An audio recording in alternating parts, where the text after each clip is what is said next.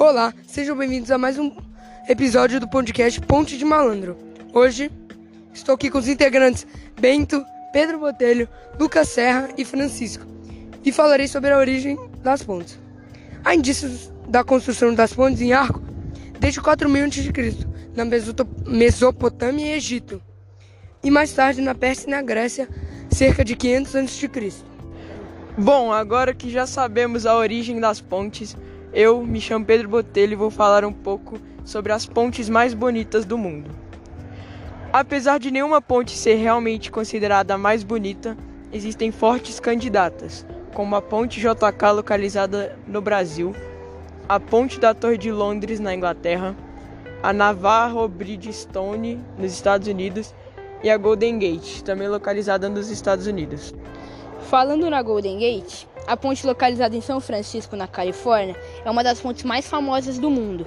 E ela tem uma curiosidade muito interessante. A ponte é laranja e não é só por uma questão de estética, mas também por conta do clima na cidade, que, tem, que é muito neblina.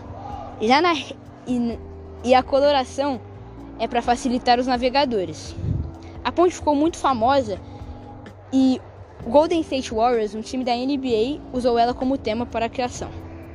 Agora eu irei falar sobre a ponte mais alta do mundo, a ponte Beipanjiang.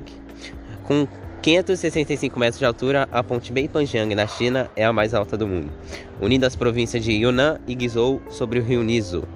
Ela tem 1,3 km de extensão e superou a também chinesa ponte do rio Sido, que havia sido eleita a mais alta do mundo em 2009. Hoje eu vou falar sobre a ponte mais perigosa do mundo. Com 1,8 metros de largura em alguns pontos e 30 anos de idade, a ponte localizada na região de Transkabayakal, na Rússia, passa por cima do rio Vitim e é considerada a ponte mais perigosa do mundo por alguns motivos. Esses motivos são a ausência de passadiços e guardas de segurança, além de ter sido construído em um lugar muito escorregadio com presença de neve e gelo. É isso. Obrigado por assistir o podcast.